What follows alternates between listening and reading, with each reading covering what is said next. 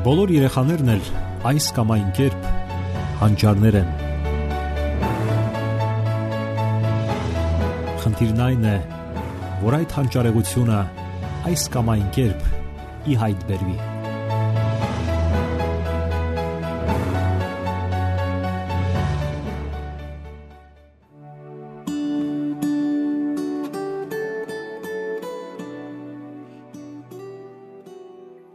Բարև ձեզ սիրելի ռադիո լսողներ։ Եթերում դասերակցություն հաղորդաշարն է։ Երբեք էլ ավելորդ չի լինի մեկ անգամ եւս անդրադառնալ հայրերի եւ դուստրերի փոխհարաբերություններին։ Այս ոլորտում տեղի են ունենում թե դասերակցական վրիպումներ եւ թե իսկապես սխրագործություններ, երբ ճիշտ հարաբերությունների արդյունքում աղջիկները կարողանում են շատ բանի հասնել կյանքում։ Հաճախ կյանքում այնպես է ստացվում, որ հայրերը երազում են տղայի մասին Սակայն տեսնելով աղջկան, միանգամայն վերափոխվում են եւ նորովի գնահատում հայր-դուստր փոխհարաբերությունները։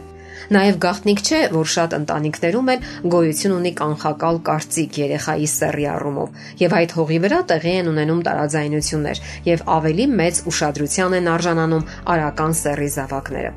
Եվ այնուամենայնիվ, պետք չէ ընկնել նաև մյուս ծայրահեղության մեջ, եւ ճապից ավելի մեծ ուշադրություն դարձնելով աղջկան, այդ կույր սիրո արդյունքում վնասել նրա անznային որակները։ Դա կարող է լինել ճափազանց խստությունը, միջամտությունը նրա անձնական կյանքին եւ այլն։ Իսկ ահա ճափավոր, մտածված եւ խելամիտ մտածման դեպքում, իդեմս հոր, աղջիկը կարող է ձեռք բերել իր ամենահավատարիմ ընկերոջը։ Ընդհանրապես, հայրերի եւ դուստրերի փոխհարաբերությունները կարեւոր են աղջիկների համար, նրանց անznային որակների ձևավորման ու զարգացման համար։ Մանկության ժամանակ աղջիկներին հաճախ դուր է գալիս ավելի շատ զբաղվել հայրերի, քան մայրերի հետ։ Հայրերը հազվադեպ են թույլ տալիս իրենց ձայնը բարձրացնել փոքրիկ աղջիկների վրա եւ չարաճճիության ավելի շատ հնարավորություններ են տալիս։ Երբեմն էլ շարժական խաղեր են խաղում նրանց հետ Աղջիկներն ավելի մեծ համարցակությամբ հայրերից են խնդրում խաղալիքներ գնել իրենց համար։ Իսկ ահա մայրերը ավելի պահանջկոտ են դուստրերի հանդեպ, ստիպելով, որ հետևեն կարգապահական բոլոր կանոններին։ Սակայն նկատենք, որ այդպիսի կույր սերը հաճախ ունենում է իր թերությունները։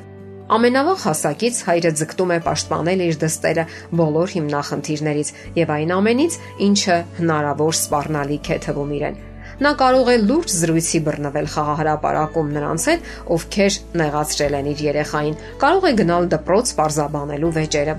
Ասենք որ այսպիսի ագրեսիվ քաղաքականությունը կարող է բացասական հետևանքներ ունենալ։ Տարիքի հետ աղջիկը դառնում է փապկակենցաղ, նվնվան, շուտ վիրավորվող։ Չի կարողանում պաշտպանել իրեն եւ բողոքում է ամեն առիթով։ Նա պարզապես անպաշտպան է գտնվում սոցիալական դաժան միջավայրում։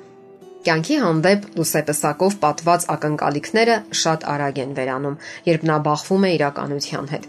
Անկասկած է, որ հայրերը պետք է զավակներին օգնության հասնեն ամեն պահի, երբ զգացվի իրենց կարիքը, իսկ ահա մնացած դեպքերում երեխան պետք է ազատություն ունենա։ Բոլորս ենք կենսական փորձառություններ ձեռք բերում, բախվելով կյանքի հետ, կապտուկներ ստանում, քերծում մեր ձեռքն ու ոտքը եւ լացելով տուն վերադառնում։ Բոլոր դեպքերում Գերդոզայավորումը վնասակար է ոչ միայն մայր-տղա փոխհարաբերություններում, այլ նաև հայր-դուստր փոխհարաբերություններում։ Հարկավոր է պահպանել ճափի զգացումը։ Լավ հայրը պետք է աղջկա կողքին լինի։ Սատարի ծանոթացնի արտաքին աշխարհի հետ իր ողջ բազմազանությամբ։ Սակայն վտանգավոր է, երբ խախտում են նրա անձնական տարածքը, համապարփակ հսկողություն սահմանում երեխայի կյանքի վրա։ Ընդհանրապես աղջկա կյանքը չպետք է սահմանափակվի միայն խոհանոցով եւ ձեռագործով։ Այստեղ հայրը անելիք ունի որpիսի լայնացնի նրա մտահորիզոնը։ Որպես հակառակ սեռի ներկայացուցիչ, նա պետք է խթանի այդ օրինակ հետաքրքրությունները, ծանոթացնի շրջապատող աշխարհին։ Եթե օրինակ աղջիկը վախենում է հեծանիվ նստել, հայրը կարող է վստահություն ներարկել նրա մեջ, կարող է զարգացնել ֆիզիկական հնարավորությունները, առավոտյան վազել նրա հետ, գնալ ձուկ բռնելու, արշավների ժամանակ ծանոթացնել բնությանը։ Եվ այս ամենը նա պետք է անի նրբանակատ ձևով եւ ոչ կպչուն, հարգելով նրա անձնական ազատությունը։ Ինչ վերաբերում է դասերակցական եղանակներին, ապա հայրը երբեք չպետք է ձեռք բարձրացնի աղջկա վրա։ Ինչ թվում է, սա ինքնին ենթադրվում է։ Հարվածը ոչ միայն ֆիզիկական ցավ է պատճառում, այլ նաև հոգեբանական տրավմայի է ենթարկում։ Դեռ երկար տարիներ դա պահպանվում է աղջկա հիշողության մեջ։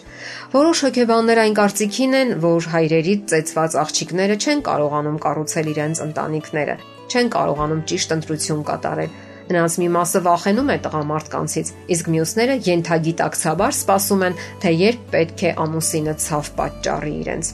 Մյուսներն էլ չեն կարողանում կառուցել իրենց հարաբերությունները տղամարդկանց հետ։ Առաջին տղամարդը, որին նրանք ճանաչել են իրենց կյանքում, իրենց հայրն է եւ նա չի կարողացել դրական պատկերացումներ ներարկել աղջկա մեջ հակառակ սեռի մասին։ Աղջիկները չեն ստացել դրական հույզեր, եղել են լարված վիճակում։ Եվ այսպես հայրը համարվում է օրինակ, որին ձգտում են նմանվել աղջիկները։ Ահա թե ինչու շատ կարևոր է, որ աղջիկները հոր մեջ տեսնեն արժանավոր, կարքին, հոգատար, ճիշտ տնտեսվարող եւ ուրախ տղամարդու։ Եվ եթե հորը հաջողվում է ստեղծել այդ կերպարը, տղամարդու դրական կերպարը, ապա անձնական կյանքի նրա հաջողության հնարավորությունները մեծապես աճում են։ Շատ աղջիկներ խոստովանել են, որ իրենց տղամարդիկ բնավորության գծերով բավականաչափ հիշեցնում են իրենց հայրերին։ Դրանից բացի լավ ու ջերմ հարաբերությունները հոր հետ դրականորեն են անդրադառնում աղջկա բնավորության ու խառնվածքի վրա։ Գաղտնիք չէ, որ որոշ մշակույթներում գոյություն ունի ճափազանցված ազդեցություն հայրերի կողմից աղջիկների վրա, երբ հայրերը մեծապես ազդում են աղջիկների կյանքի վրա։ Նրանք շատ բան են որոշում, թե ինչպես վարվի աղջիկը այս կամ այն դեպքում եւ նույնիսկ ինչպիսի աշխարհայացք ունենա։ Դա ի վերջո հանգեցնում է լարված հարաբերությունների եւ ցանկության հնարավորինս արագ հեռանալու հայրական տնից Սակայն ի վերջո դա չի կարող նպաստել, որ աղջիկը ճիշտ ընտրություն կատարի եւ արդյունքում սխալ ընտրություն է կատարում։ Եվ այսպես, հայրեր, սիրեցեք ձեր աղջիկներին, հարգեք նրանց, եղեք նրանց լավագույն բարեկամը կյանքի բոլոր հանգամանքներում։ Սիրելի ռադիոլսողներ, եթերում դասերակցություն հաղորդաշարներ։ Ձեզ հետ է Գեղեցիկ Մարտիրոսյանը։ Ձեզ ուզող հարցերի համար կարող եք զանգահարել 093 00 63 27 կամ 094 93 55 77 հեռախոսահամարներով։